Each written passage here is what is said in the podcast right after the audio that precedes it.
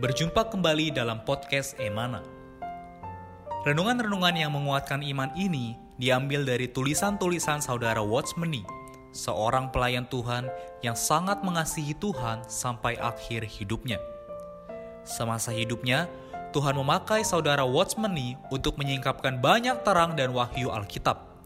Di antaranya adalah mengenai salib, mengenai Kristus sebagai hayat, juga mengenai kesatuan tubuh Kristus.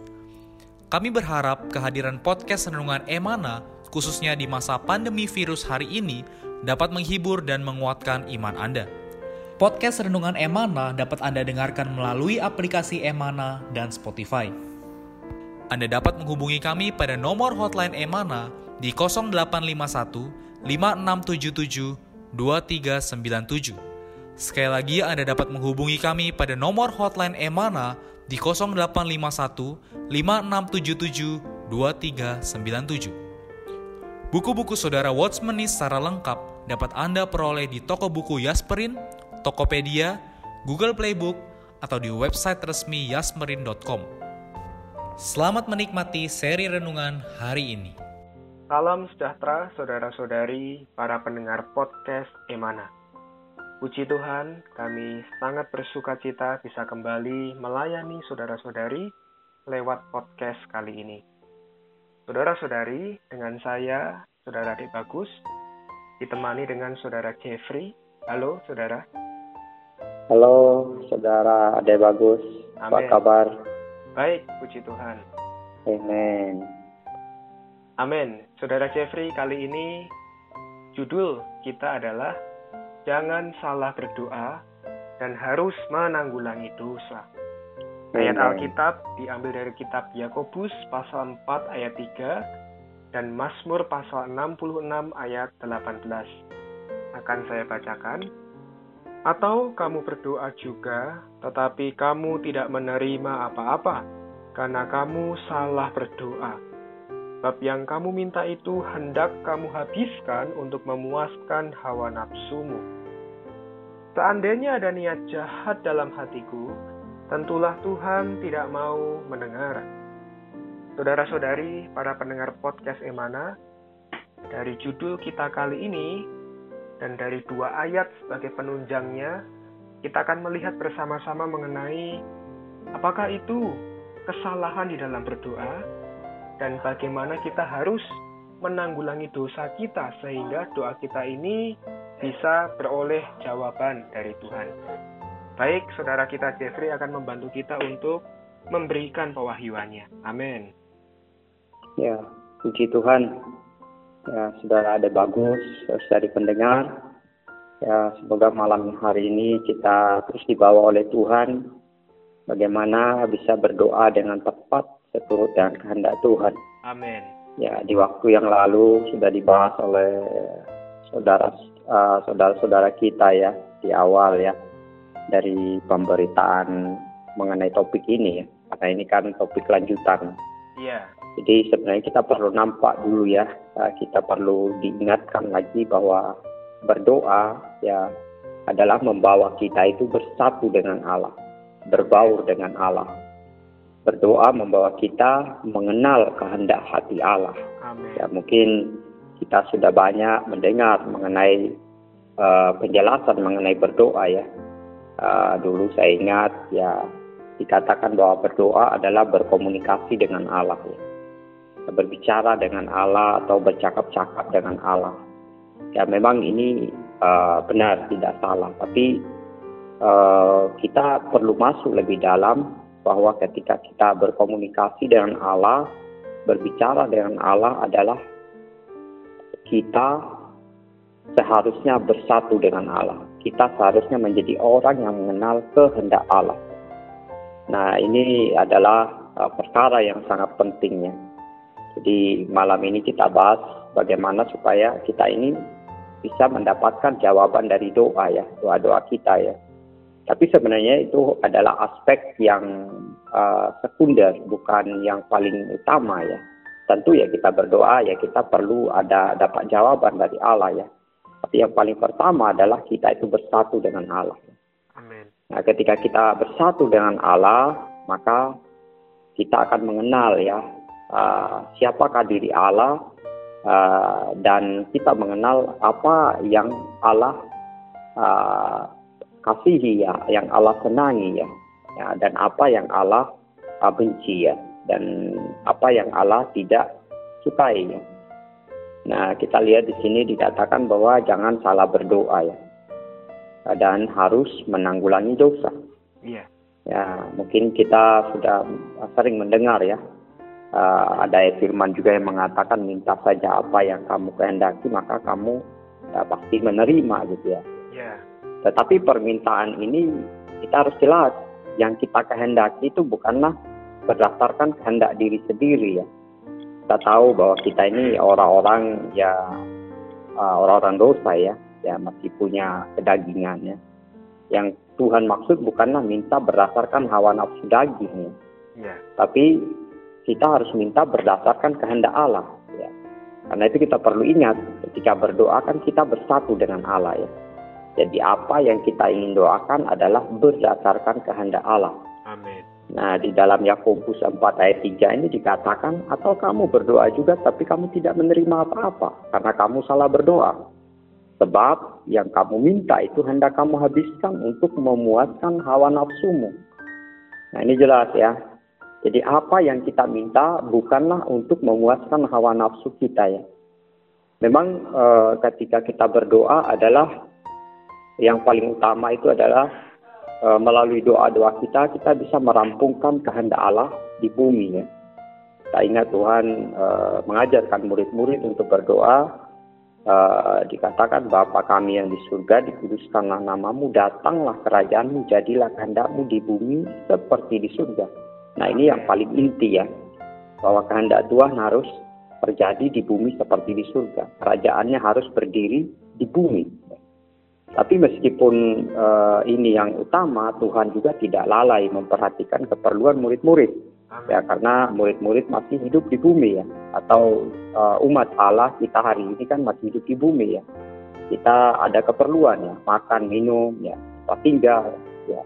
Itulah Tuhan juga uh, tetap mengingat ya di dalam doa yang diajarkan kepada murid-murid adalah berikanlah kami makanan hari uh, makanan bagi kami hari ini secukupnya. Amin. Amin. Jadi jelas ya secukupnya tidak dikatakan uh, berlimpah ruah ya. Ya tentu kalau dikasih berlimpah ya puji Tuhan gitu. Tapi Tuhan sangat jelas ya bicara secukupnya ya. Artinya menurut keperluan kita ya. Karena cenderung ya kalau orang terlalu berlimpah-limpah itu akan mudah kepada akan mudah jatuh ya dalam hawa nafsu daging. Ya kita mungkin pernah ada kenalan ataupun uh, keluarga atau orang-orang Kristen mungkin yang pernah kita kenal dulu uh, waktu susah ya uh, hidupnya itu terjaga gitu ya ya hanya cukup ada cukup makan segala macam gitu ya tapi ketika berlimpah mudah sekali orang itu apa hidup dalam hawa nafsu daging. Yeah. Maka ada perkataan yang mengatakan mau berbuat dosa juga kan butuh modal gitu ya. Mm-hmm. Nah ini jadi eh, Tuhan tahu maka kita itu meminta itu bukan untuk memuaskan hawa nafsu kita, Amen. tapi secukupnya. Nah saya dulu uh, ya dulu bukan dulu ya saya ada ada satu uh, teman ya ya dia curhat ke saya waktu itu ya. Dia bilang kenapa saya ini udah dari dulu udah berusaha kok nggak kaya kaya gitu ya. Nah dari pernyataan ini aja udah udah sangat keliru ya. Ya karena apa kelihatan sekali ya e, keinginannya itu adalah nafsu menjadi kaya gitu ya. Iya. dan Tuhan tidak jawab gitu ya Ya ini puji Tuhan, Tuhan tidak jawab karena Tuhan masih mengasihi dia ya. Karena kalau dia punya berlimpah-limpah ya bisa bahaya ya. Ya merusak dirinya. Karena iblis hari ini bekerja juga melalui uh, harta benda gitu ya. Ya kita ingat Tuhan Yesus pun kan di, ketika diuji kan ditawarkan seluruh uh, kemakmuran dunia ya, seluruh kekayaan apa uh, kekayaan lah ya Nah ini ya, saya bilang ya ke teman saya saya bilang ya kamu salah mintanya gitu ya. Jadi bukan kamu berusaha itu supaya menjadi kaya gitu ya. Bukan itu poinnya sebenarnya. Tapi ya kamu berusaha ya supaya kamu bisa hidup secukupnya. Ya kalau dikasih ber, uh, kaya ya puji Tuhan bukan berarti ditolak juga gitu. Kalau tidak ya yang penting kan cukup gitu ya karena Tuhan tahu setiap kapasitas kita gitu ya uh, Tuhan tahu kondisi kita jadi dia pasti ya terhadap anak-anaknya memberi seturut ya kondisi kita Ya, kalau misalnya dalam hal ini nggak kaya-kaya ya Tuhan tahu kondisinya karena berbahaya mungkin kalau dia kaya gitu ya karena mudah ya. orang jatuh dalam dosa ketika hidupnya makmur. Amin. Amin. Ya, seperti penjelasan saudara Jeffrey, menurut Yakobus pasal 4 ayat 3 tadi, Sosari, para pendengar podcast kalian, kita jadi melihat bahwa hari ini seharusnya ketika kita berdoa kepada Allah, kita hanya meminta Allah menurut keperluan kita dan juga kekurangan kita ya. Jadi jangan salah berdoa dengan kendur menurut nafsu kita dan daging kita. Untuk sesuatu yang sebenarnya itu tidak kita perlukan. Baik, hmm. saya akan melanjutkan membacakan kutipan di sini. Mazmur pasal 66 ayat 18 berkata, Seandainya ada niat jahat dalam hatiku, tentulah Tuhan tidak mau mendengar. Jika ada dosa yang nyata yang Anda sendiri telah ketahui, namun Anda menghargainya dan tidak mau melepaskannya, Tuhan tidak akan pernah mendengarkan doa Anda. Ini adalah satu hambatan yang besar, dan tidak ada jalan bagi Tuhan untuk mendengarkan Anda. Anda harus membuang semua dosa dari hati Anda. Anda harus mengakui semua dosa dan menaruhnya di bawah darah. Anda tidak bisa secara rahasia di dalam hati Anda mengasihi dosa tertentu atau menghargai dosa tertentu. Dari ayat ini, Saudara Jeffrey, bagaimana kita bisa membereskan dosa kita ya yang kita sadari ataupun yang tidak kita sadari ataupun dosa yang masih kita pegang erat supaya di dalam doa Tuhan mau mendengarkan doa kita. Amin. Amin. Jadi aspek kedua ini adalah berkaitan dengan kita perlu menjadi orang yang menanggulangi dosa atau harus hmm. menanggulangi dosa. Ini adalah perkara yang mutlak ya. Tidak bisa ditawar ya menanggulangi dosa itu adalah mutlak karena kita tahu dosa adalah sebenarnya diri uh, apa pekerjaan dari iblis atau diri iblis itu sendiri ya bahwa Allah kita adalah Allah sang terang sama sekali dia tidak bisa bersatu dengan kegelapan yeah. maka ketika kita ingin doa-doa kita ini dijawab oleh Tuhan maka sangat penting sekali untuk kita menanggulangi dosa Ya, jika tidak menanggulangi dosa, maka Tuhan pasti tidak akan menjawab doa-doa kita ya. Nah ini uh, adalah perkara yang sangat penting. Ya, bagaimana uh, kita menanggulangi dosa ya, bukan berusaha untuk introspeksi diri ya. Misalkan, wah doa saya nggak dijawab-jawab. Nah, kemudian mulai mencari-cari gitu ya, dosa apa yang saya perbuat ya. Nggak demikian ya. Karena sebenarnya ketika kita ini bersekutu, ada persekutuan yang normal dengan Tuhan, ya kita adalah orang yang uh, belajar untuk berlatih berdoa, maka Tuhan Sang Terang itu pasti akan menerangi kita ya. Amin. Uh, biasanya bahkan sebelum kita berdoa pun ya, kadang-kadang ya dalam pengalaman saya ya, kalau mungkin bicara kendor apa atau berbicara berlebihan gitu ya, uh, pasti di dalam batin itu gak ada damai gitu ya. ya. Uh, karena Tuhan kita adalah Tuhan yang hidup. Nah ini harus segera dibereskan. Apalagi dikatakan sudah nyata-nyata kelihatan gitu ya. Nah kita tidak boleh kompromi ya. Nah pemberesan ini kita juga perlu nampak ya. Yang uh, pertama-tama ya kita harus membereskannya di hadapan Tuhan. Amin. Ya karena kalau berdosa ya pasti uh, bersalahnya kepada siapa paling pertama pasti kepada Tuhan. Nah kita jelas juga ya ada dosa yang uh, kita hanya bersalah kepada Tuhan ya kita mohon ampun kepada Tuhan ya. Kita perlu juga mengambil darahnya ya. Nah, itulah di dalam 1 Yohanes pasal 1 ayat 9 dikatakan jika kita mengaku dosa kita, maka ia adalah setia dan adil. Ia juga akan apa e, mengampuni segala pelanggaran kita ya dengan darahnya ya. Jadi ini penting sekali gitu ya sehingga kita bisa e, apa menghampiri dia ya di, di tahta kasih karunia untuk berdoa ya. Kemudian yang kedua adalah kalau kita bersalah kepada orang, ya mungkin ada perkataan kita yang tidak tepat terhadap orang ya, yang uh, yang menyinggung orang lain, ya tentu pertama-tama kita mohon ampun kepada Tuhan dulu. Tapi yang kedua adalah kita mohon Tuhan memimpin kita di waktu yang tepat, situasi yang tepat, kita perlu belajar minta maaf. Ya. Ataupun mungkin kita merugikan orang lain gitu ya. Ya entah mungkin minjam barang atau uang gitu ya Nah itu harus dikembalikan. Ya. Ada saya pernah uh, dengar ada seorang percaya ya, uh, dia memberitakan Injil kepada seseorang gitu. Seorang ini adalah temannya. Uh, tetapi ya, si saudara yang sudah percaya Tuhan ini, dia meminjam uang dari orang yang nggak percaya ini tidak dikembalikan gitu ya. Tapi dia dengan semangat memberitakan Injil.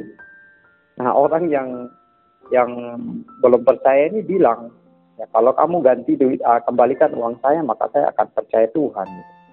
Yeah. Nah seharusnya waktu itu ya dia harus bertobat gitu ya dan harus mengembalikan. Tapi ya saya nggak tahu bagaimana. Ya ini ini cerita dari uh, cucu dari uh, dari si si apa si si kakek ini yang diinjili ya.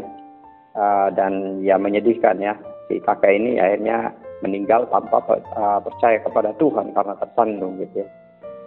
Nah ini sangat-sangat uh, disayangkan gitu ya orang-orang uh, sudah percaya Tuhan uh, melakukan pelayanan, pemberitaan Injil, tetapi merugikan orang lain dan tidak mau mengganti rugi gitu ya. Yeah. Nah jadi tidak tidak mungkin orang bisa percaya Tuhan kalau dengan uh, apa uh, kesaksian hidup kita seperti itu gitu ya. Maka saya pun di dalam perkara ini ya eh, kita semua ya perlu belajar ya. Ya khususnya ini adalah bagi pekerjaan Tuhan. Hari ini kita berdoa ya kita mendapat satu porsi yang uh, berharga sebenarnya ya. Amin. Ya karena kalau perjanjian lama kan hanya imam imam keturunan Lewi yang bisa berdoa ya uh, kepada Tuhan masuk ke dalam doa Maha Kudus ya. Tetapi hari ini kita dalam perjanjian baru kita setelah percaya Tuhan, kita pun uh, adalah imam, Amen. imam Allah yang memiliki hak untuk berdoa kepada Tuhan. Tapi kita perlu memperhatikan ya kondisi kita ya. Jadi tidak boleh ada dosa yang tersembunyi yang kita kasihi ya. Uh, namanya dosa itu di hadapan Allah itu ya pasti najis ya, menjijikan. Ya, itu harus disingkirkan. Barulah uh, doa-doa kita bisa dijawab oleh Tuhan. Amin. Uh, sebenarnya yang paling pertama adalah kita itu bisa bersatu dengan Tuhan ya, hidup di hadirat Tuhan penuh dengan damai sejahtera, penuh dengan sukacita. Karena yang um, menyedihkan adalah ketika kita hidup uh, hari ini sebagai orang percaya kita tidak menikmati hadirat Tuhan, tidak ada damai sejahtera. Wah, agak enak sama sekali ya. Ya saya percaya ya, setiap kita yang sudah percaya Tuhan ya. Dalam pengalaman kita kalau ada dosa itu ya hal yang nggak benar pasti kan eh, nggak uh, nyaman ya di dalam batin kita ya sudah ada bagus. Yeah. nggak enak gitu ya membawa uh, dosa itu menak maka sangat bodoh sekali kalau kita apa mengasihi dosa ya. Ya kita harus membenci dosa mengakunya di hadapan Tuhan memohon Tuhan uh, membersihkan gitu. Amin. Nah, yang berikut adalah perkara uh, dijawabnya doa ini adalah sebenarnya indikator kesehatan rohani kita. Ya, kalau kita berdoa mengenai banyak perkara tapi tidak dijawab-jawab oleh Tuhan ya, ini menunjukkan bahwa rohani kita nggak sehat. Ya, yang pasti di pihak Tuhan tidak pernah salah. Tuhan adalah Tuhan yang selalu ingin menjawab setiap doa-doa kita ya. berdasarkan kehendaknya. Tapi uh, kitalah yang dalam pengalaman mungkin sering tidak beres ya. Ya semoga kita menjadi orang-orang yang benar-benar ya membenci dosa, menanggulangi dosa, mengakuinya di hadapan Tuhan ya. Sehingga doa-doa kita uh, bisa dijawab oleh Tuhan dan dapat mempermuliakan nama Tuhan. Amin. Amin, betul. Supaya doa-doa kita bisa dijawab oleh Tuhan, bahkan mempermuliakan Tuhan. Saudara-saudari, karena kita adalah imam, tadi saudara kita mengatakan, maka kita semua punya hak yang istimewa untuk berdoa kepada Allah. Semoga Amin. firman Tuhan kali ini memberikan kita satu pembelajaran rohani yang baru dalam penghidupan doa kita. Kita boleh belajar dua hal tadi. Jangan salah berdoa. Yang kedua harus menanggulangi dosa. Tentu ini semua akan kita peroleh ketika kita bersekutu dengan Tuhan di dalam doa. Tuhan akan Hmm. menerangi kita apa isi dari doa kita. Apakah itu keinginan kita ataukah itu keperluan kita. Yang kedua, Tuhan juga akan menerangi kita dosa apa yang ada di dalam hati kita. Dan pada saat itu, ketika kita menyelesaikannya di hadapan Tuhan, maka Tuhan akan menjawab doa-doa kita. Puji Tuhan, semoga Tuhan memberkati saudara-saudari, para pendengar podcast Emana sekalian. Baik, saudara Jeffrey, terima kasih banyak untuk sharingnya. Amin. Kami mengundang saudara untuk mendoakan kita semua. Amin. Amin. Kita satu di dalam doa. Tuhan Yesus, kami mengucap syukur padamu Tuhan, karena Dikau terus membimbing kami Amin. bagaimana seharusnya kami berdoa ya Tuhan. Amin. Terima kasih Engkau juga mengingatkan kami supaya kami jangan salah berdoa. Oh, kami tidak berdoa menurut hawa nafsu daging kami. Ya. Tapi kami berdoa, oh seturut dengan keperluan yang seharusnya eh, kami perlukan Tuhan. Tuhan Amin. Yesus, eh, jaga kami Tuhan dari doa-doa yang penuh dengan nafsu daging. Tuhan juga Kau bimbing kami menjadi orang yang mau menanggulangi dosa yang Engkau terangi ya Tuhan. Tuhan jangan biarkan kami menjadi orang yang mengasihi dosa. Tuhan Amin. Yesus, sehingga setiap doa-doa kami boleh Engkau jawab dan juga dapat memuliakan namamu. Amin. Tuhan Yesus, terpujilah di Kau. Haleluya. Amin. Amin. Amin. Sekian podcast Renungan Emana hari ini. Kami akan kembali pada seri berikutnya. Anugerah dari Tuhan Yesus Kristus dan kasih Allah dan persekutuan Roh Kudus menyertai kita semua.